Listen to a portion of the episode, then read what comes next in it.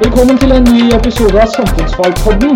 Eh, I denne episoden skal vi diskutere koronapandemien.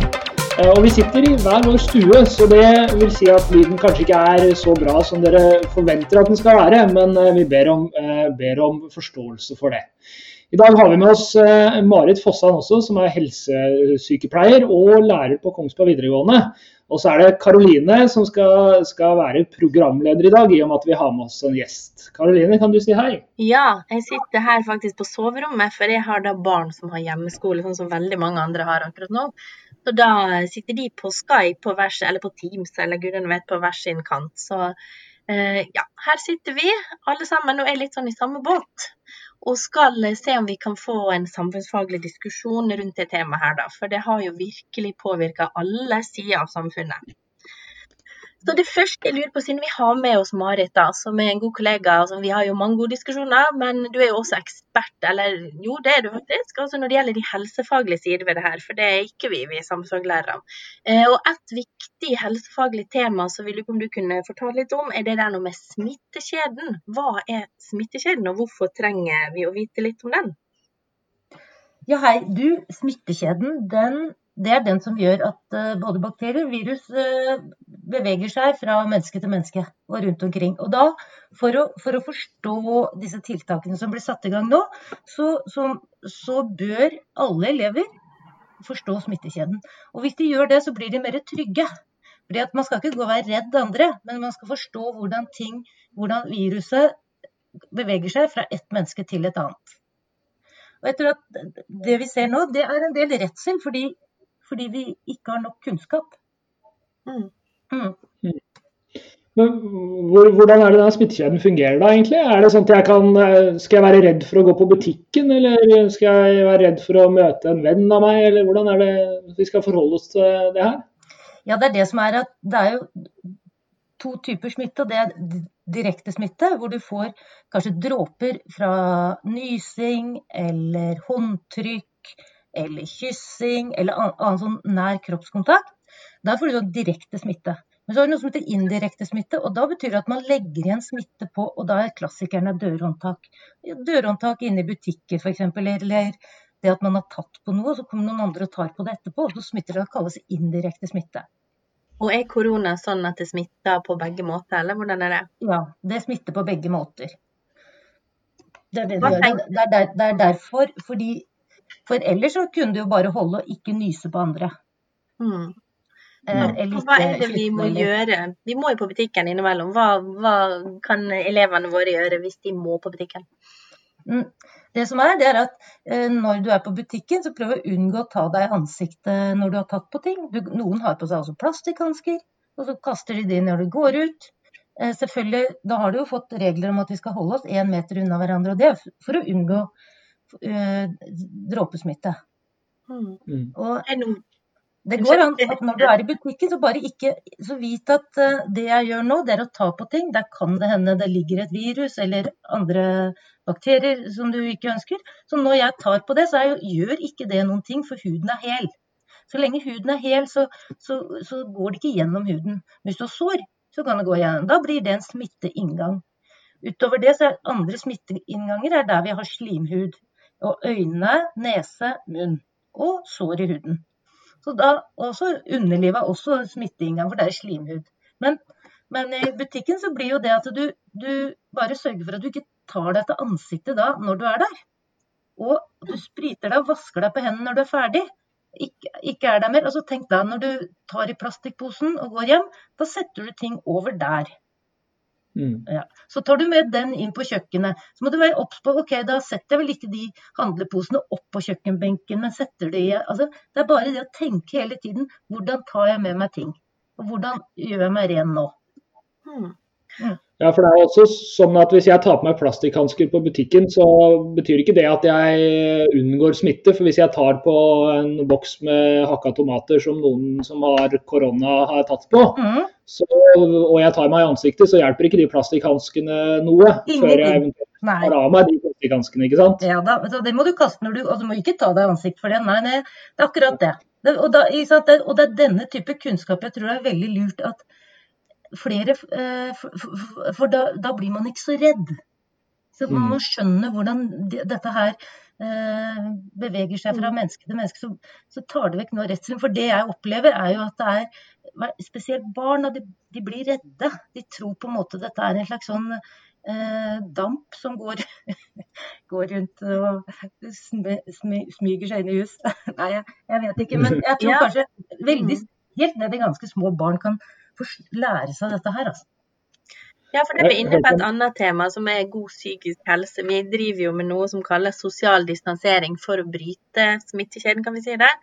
Ja. Eh, eller var det en lite helsefaglig bruk av det ordet? Altså for å prøve å unngå at smitten sprer seg i hvert fall så mye. da. Mm. Eh, har du eh, noen gode råd til hva man kan gjøre når man sitter hjemme da, og ikke, ikke går på skolen og har den fysiske kontakten, eller tror ikke du ungdom er så berørt av det? Jeg er litt usikker. Jeg tenker at ungdom eh mer enn i hvert fall meg som er over 50.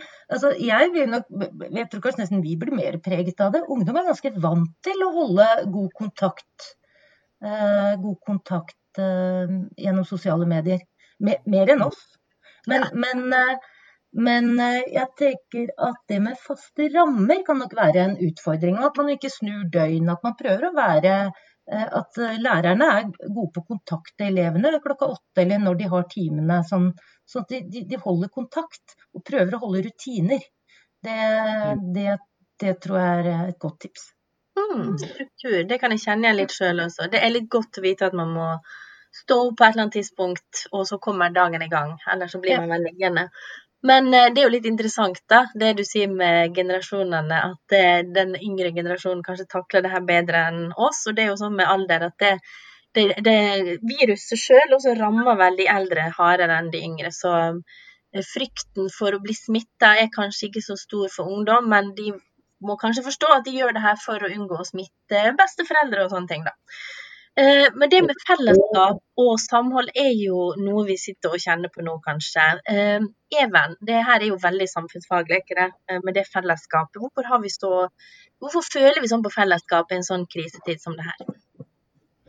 Det handler om at vi, vi, er jo på mange måter, eller vi merker at vi er avhengig av hverandre i, i mye større grad. Altså, I vårt vanlige liv så, så, så møter vi jo hverandre eh, Eller det er ikke så tydelig da, at eh, jeg trenger alle folka som er rundt meg. Eh, og når vi står i den situasjonen vi er i nå, så blir jo det veldig tydelig. fordi at for at ikke min bestemor skal bli smitta, så må dere holde dere hjemme og ikke, ikke smitte meg osv. Og, eh, og da blir det en, en, type fellesskap i det, og, og, og et type samhold. Så, og mennesker har jo en tendens til å liksom flokke seg sammen da, når vi, har, når vi har utfordrende situasjoner. Det har vi jo sett før. F.eks. Eh, hvis vi går tilbake til, de store krigene, verdenskrigene, så jo, så man jo et økt samhold. Eh, men i nyere tid så, så vi også etter 22.07 at vi, vi flokka oss sammen når krisa blei ble, veldig tydelig for oss. Så det er jo en ganske naturlig, naturlig effekt eh, blant oss mennesker og i et samfunn. Um, så selv om vi sitter her på hver, sitt, på hver sitt hue, så kan vi også kjenne på det fellesskapet. Og noe med Norge er at vi har en veldig høy grad av tillit. Det har jo forsøk vist. Altså vi har tillit til hverandre. Eh, og vi oppfører oss tillitsverdig. Hvis noen legger fra Det er sånn kjent eksperiment. Når de legger en lommebok på bakken, så ser de hvor lang tid det tar før noen leverer den til politiet. Så noen steder i Norge så gikk det så fort at de ikke fikk liksom eh, registrert lommebøkene engang i forsøket. Så vi, vi, er til å stole på, kan det virke som. Eh, men så har det jo vært noen sånne tillitsbrudd. Hvordan har det gitt Det med hyttefolket har jo alle spurt litt sånn stygt på. Hva, hva handler det om? Nei, altså det handler om, altså det, det, med tillit er jo kjempeviktig. fordi at Det statsministeren øh, og, og regjeringa ber oss om å gjøre, er jo å legge ned alt arbeid. Øh, og egentlig øh, sette oss i en situasjon der hvor folk mister jobben og folk mister pengene inn på kontoen og sliter med å betale regningene sine. Og Hvis ikke vi hadde hatt tillit til at dem gjorde valg som skulle være det beste for oss, så hadde jo vi droppa å gjøre det. Så Og Det er jo kjempeviktig. Eh, og, og, veldig mange land vil antageligvis slite litt med å få gjennomført den type tiltak, fordi at ledelsen i landene ikke har den tilliten blant befolkningen som den, som den trenger. Um, og så var det spørsmålet du stilte, Karoline, hva var det igjen? Ja, si det. Uh, det med tillit og sånn. Altså, du, eh, vi kan jo gå inn på Kina, da, som har kanskje, vi vet jo ikke helt da om informasjonen kommer derfra er eh, som har klart å knekke koden med korona og fått ned antallet smittede. Men der er det vel noe annet enn tillit som gjør at eh, de har fått folk til å handle sånn som de ville. Der har de jo hatt virkemidler som de har droner, som har overvåket folk, og det er jo apper der de kan se hvem som er smitta, og du får varsel om du er nær dem. Altså, de har brukt mye sterkere statlige virkemidler. Da. Mens her i Norge så er det tilliten som, som ligger bak tiltakene, eller veldig mye sånn tillitsbasert. Og jo, det var det hyttefolket jeg lurte på. Hvorfor har folk blitt hytte på dem? Ja, altså, øh, vi, vi, kan jo snakke om Kina og at de har veldig sånn strenge tiltak, men samtidig så er det jo sånn at eh, i hytte, hy, hyttekommunene så visste de hvor mange hyttefolk som var der, fordi at de visste antall mobiler i det området. Mm. Så også, også, vi i Norge driver på en måte en type overvåkning da, som gjør at ikke da at man vet at det er Kåre Hansen og, og, og Torbjørg Toru som, som, er der, men man vet antallet folk. Mm. Eh, og og Det gjør jo at, eh, at, vi har en viss oversikt her også. og Når veldig mange da reiser til disse kommunene Jeg hørte i Gol kommune, som jeg tror er en kommune med rundt 3000 innbyggere, hadde totalt 9000 folk i kommunen. Eh, og så høres ikke det så enormt mange ut, for i Kongsberg f.eks. bor det 30 000 mennesker. Men helsetjenestene i de kommunene er jo tilpassa til, til, de 3000 i utgangspunktet, pluss litt til kanskje. Mm. Eh, og, og, når de da er 9000, så er det tre ganger så mange. Så det blir som om vi skulle vært uh, plutselig skulle vært 90 000 mennesker i Kongsberg, og så skulle helsevesenet her klart å, å ta unna det. Og det er jo uh, det vil jo være umulig. og da, da, handler det om den tilliten. Samtidig så syns jeg langt på vei at den derre der, den måten de som reiste på hyttene ble behandla på en periode, syns jeg var litt overild. Jeg tror, jeg tror det var mange som ikke tenkte over hvilke konsekvenser de kunne ha for helsevesenet i det, eh, i det området de reiste til, og ikke gjorde seg de, de betraktningene. At det ikke nødvendigvis var vond vilje eller mm. et forsøk på å sabotere eller forsøk på å være Eh, være, gjøre noe galt. Da. Jeg tror de, tror de, bare tenkte at det må jo være fornuftig å reise på fjellet og være på hytta nå når jeg skal være i isolasjon. Ja, og kongen eh, kom jo med en eh, bønn om at vi måtte være litt rause med hverandre. og ja, det er jo et eksempel. Men hva tenkte du, Marit? Oi, her er det en katt bildet. Skal vi se. Hva tenkte du, Marit, når, når det gjaldt med tillit og hyttefolk og hamstring har det også vært en del innom? Ja, og da tenker jeg kanskje en del av de som reiste på hytta, kanskje det var de som hamstra. Og jeg kan jo forstå at man tenker jo det at nå har jeg hytte, vi har kjøpt oss hytte på fjellet, vi eier den, den er vår. Jeg må få lov å reise på hytta når jeg vil. Jeg kan forstå det, så jeg er litt enig med Even, jeg syns de ble tatt litt hardt. Eh, og, men eh, når de forsto eh, tanken bak, så, så, tror jeg de fleste reiste ned igjen. Men jeg syns ikke det er så mm. rart at man tenker at OK, jeg føler meg frisk, jeg skal ikke smitte noen, jeg skal holde meg unna andre, jeg reiser på hytta. Det, det tror jeg er en veldig sånn naturlig tanke. Ja, og det er litt uten at det er noe, uten at det er noe illojalt i det. Eh, de, de, ble noen til dels stemplet som illojale. Jeg syns det var kanskje litt drøyt, rett og slett. Men det jeg er litt spennende, det er Du nevnte det med Kina, de har brukt en annen strategi og droner. og Vi så bilde av mennesker som var smittet, ble dratt ut av hus og satt i sånn leire. Mens i Norge så har vi en litt annen basert på det med tillit. Så tenker jeg Dere som er i samfunnsfag, at hva, hva, er det mest robuste samfunnet? Er det et samfunn hvor, hvor det er sånn tiltak som Kina gjennomfører, mm. eller er det et samfunn til, som er bygd på tillit? Hva er det mest robuste? Jeg tror nok eh, i det lange løp så har vi bestemt oss eh, i Norge og de andre demokratiene at det, ja, eh, det er jo veldig effektivt med autoritære regimer. De får gjort ting, men det er jo ikke et det er ikke regime som, der folk føler seg trygge og sikre. For det som du sier, det å bli røska ut av sitt eget hjem fordi du er smittsom, altså Menneskerettighetene står også veldig sterkt av. Så jeg tror vi skal holde på den modellen vi har. Ja, det tror jeg også. Altså, samtidig så vet vi at i krisetilfeller så, får vi, altså, så setter man krisestab i kommuner og man, eh, man eh, erklærer krisetilstanden krisetilstand og sånn. og Det gjør jo at at enkelte av de aller mest mektige menneskene, f.eks. ordføreren i kommunene eller, eller statsministeren i landet, får litt videre eh, mandater. altså De får mm. muligheten til å gjøre mer uten å måtte få det bekrefta hver eneste handling de gjør. Og det er jo på en måte en type der hvor vi går litt bort fra eh, en type demokratisk tankegang for å bli mer effektive. Men Ja, så er det jo veldig, Ja. men så er det jo veldig klare på en måte eh, eh, klare grenser da, for når man kan gjøre det og når man ikke kan gjøre det. Og Det er jo der man ser i autoritære regimer som Kina at, eh, at de grensene er jo ikke der. De, de holder jo på som de vil Mm. når de vil, og bruker den type, den type handlinger på alt mulig rart. Og ikke bare når man står overfor en potensiell pandemi. Ja, det er viktig å passe på. Og det er jo noe som kommune eh, altså Særlig han som er byrådsleder i Oslo har jo gått ut og etterlyst mye klare retningslinjer fra staten, altså at staten skulle styre mer. For her har vi et styrings, en styringsmodell der kommunene har ganske mye selvstyre fordi det er demokratisk. Eh, at Mm. folk eh, får bestemme lokalt. For det er forskjell på ei bygd eh, oppe i fjellheimen og eh, f.eks. Bergen eller eh, et fiskevær oppe i Lofoten. Men det har da blitt litt problematisk fordi at det, da har man gjort ting veldig forskjellig, og kommunen har rett og slett ønska seg klarere retningslinjer. Ja. Ja. Eh, Så det er mye samfunnsfag i det her også. Eh, og noe annet er jo det der noe med eh, globaliseringsbegrepet. Det er et begrep vi ofte snakker om. Eh, hvordan eh, er det relevant når det gjelder en pandemi som det vi har nå, Even? Nei, altså Her er vi jo inne på litt det samme som når du prater om det lokale. ikke sant? Der hvor byrådslederen i Oslo sier at her, her må vi ha statlige føringer, så sier jo han det fordi at han mener at det, her må det være like, like tiltak over hele linja hvis vi skal lykkes. Og Globaliseringa her handler jo om at det her sprer seg jo altså Det viruset kjenner jo ingen landegrenser. Det er ikke, eh, altså Heldigvis så lever vi i en verden der hvor vi flytter på oss, og der hvor vi besøker hverandre og der hvor vi vi, vi utveksler eh, altså oss. Og det gjør også at vi blir veldig sårbare.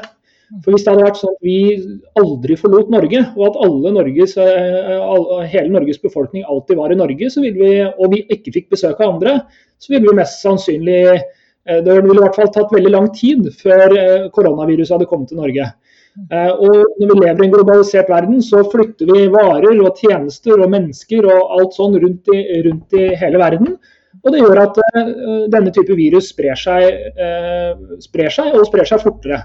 Eh, og Det gjør jo også at vi trenger å, å tenke kanskje på et litt mer globalt nivå for å, uh, for å klare å løse de problemene. For Skal vi løse de i Norge, så må, må på en måte hele Norge være med på dugnaden. Selv om du er, selv, uansett om du bor i Kongsberg, Oslo, eh, Lofoten eller, eh, eller Rollag, så må du måte eh, må du på en måte være med på en del av løsningen. Eh, og Eh, Antageligvis så, så ser vi også, ser vi et behov for å tenke enda større på, på globalt nivå. Da. At, man, at man har eh, tiltak i hele Europa og, og i hele verden som gjør at eh, man, eh, man, ikke man unngår at det kommer tilbake igjen, eller at det sprer seg fortere. Og Her kan sikkert Marit si noe også om, om, om farene ved at vi, hvis vi blir kvitt i Norge og ingen andre land gjør noe, eller enkelte land ikke gjør noe, så, så er det en fare for at det kommer tilbake igjen.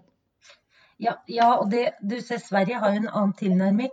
Og det er, det, det er litt sånn merkelig, syns jeg. For vi har jo så stor grense til Sverige. Så at vi gjør forskjellige ting, Norge og Sverige, det syns jeg er litt rart.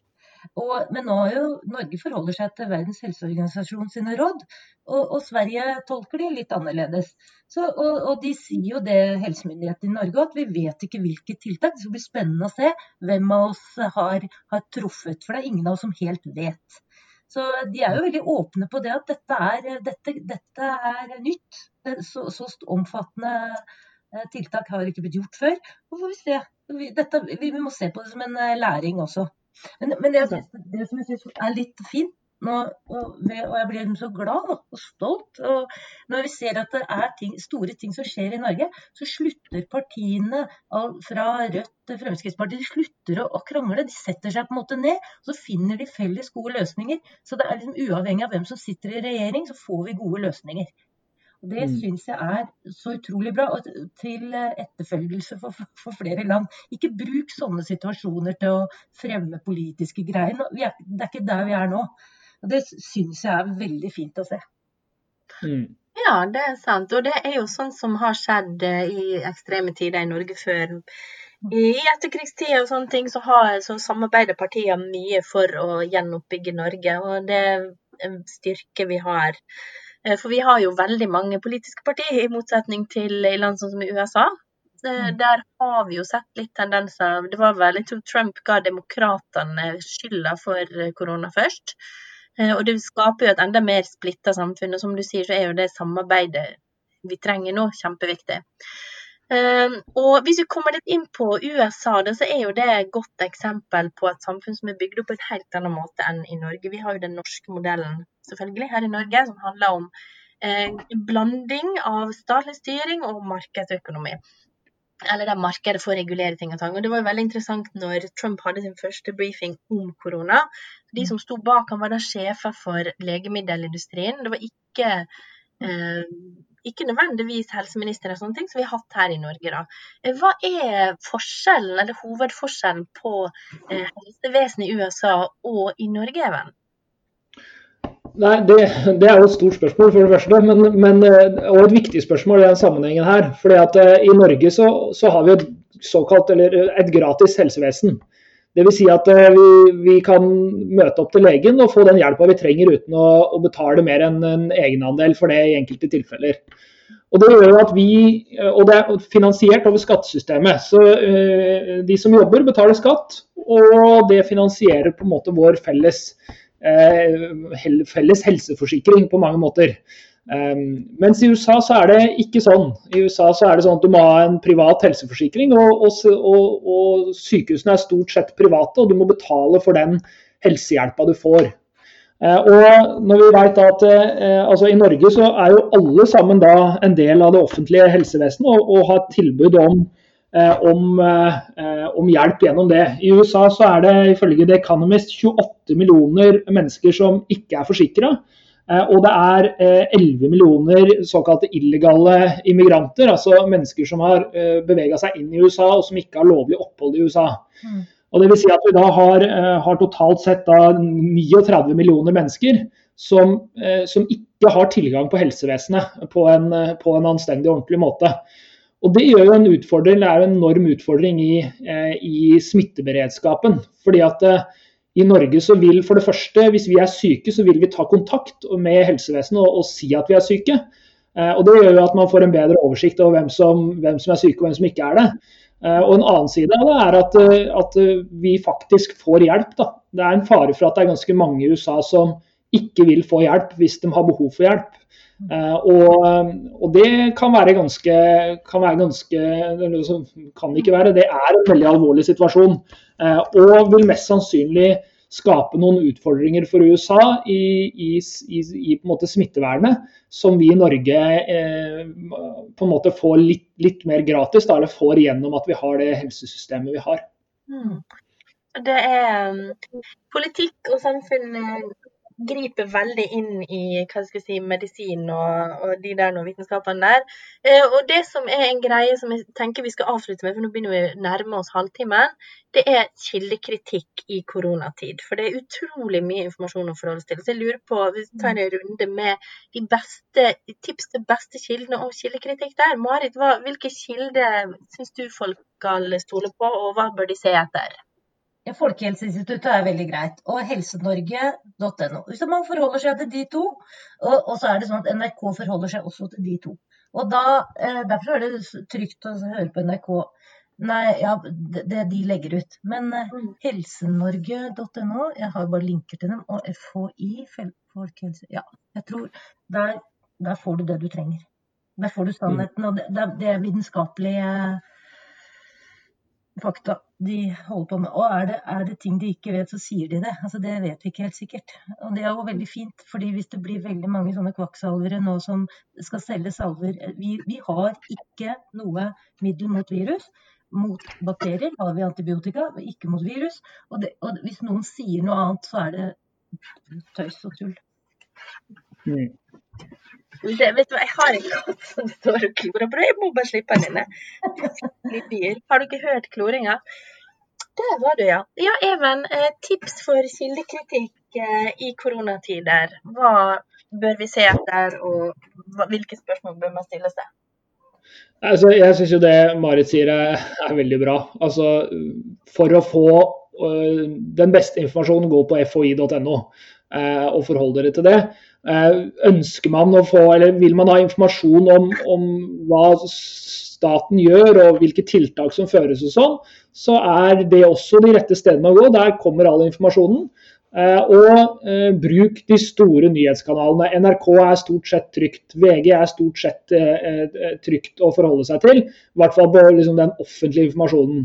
Og så er det en haug av folk som, som Marit er inne på, som ønsker å fortelle oss det ene og det andre. Om det er å, å, å prate om dommedag eller at vi skal bli friske av det ene eller andre eller tredje. Det er stort sett bare tull.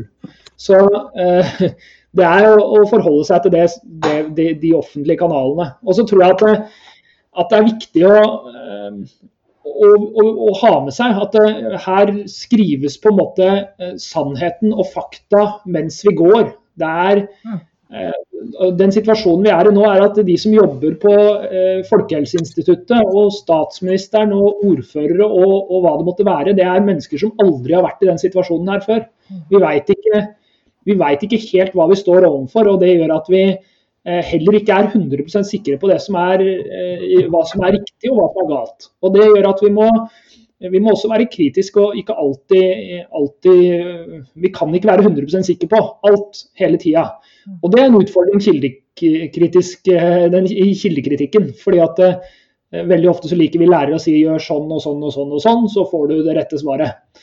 Det er ikke så veldig lett eh, her nødvendigvis. Altså Folkehelseinstituttet sa at vi skulle komme til å ha 100 smitta innen påske, og nå har vi eh, hva er det for noe nå? 1200-1300 smitta allerede, og det er fortsatt eh, en god stund til påske. Mm. Så det sier noe om utfordringene i det, det, bildet vi er i akkurat nå. Da tror jeg vi skal runde av, og så håper vi at uh, elever der ute har det trygt og godt. At de har nok jobbing, men uh, ikke for mye. For det er vel en uh, utfordring også å sitte mye foran PC-en, eller hva tenker du Marit? Jo, um, jeg syns absolutt at det også, i tillegg til at alle lærere bør legge ut en oppgave om i hver, hver elev bør ha en oppgave om smitte, så de forstår det smittekjeden bør de også ha noen oppgaver som innebærer at de må gå ut. Det hadde vært mm. veldig fint. Ikke i flokk, men uh, det, få, få frisk luft, det, det, er fortsatt sunt. Og det er like sunt nå som det var før korona kom. Det er ikke, ikke noe skadelig å ta en gåtur. Og så ring, ring, bestemor og, og folk ja. som du er glad i, og si at du er glad i dem og at du tenker på dem. Det tror jeg er, eh, kan være fint i den perioden her. For uh, det er mange av de litt eldre som ikke har sosiale medier og som ikke har kontakt uh, gjennom det, og som, som nok trenger å, å, få høre stemmen til, uh, til barnebarn og, og, og, folk rundt seg. Så ta kontakt på de måtene som er trygge. Ja, så bra.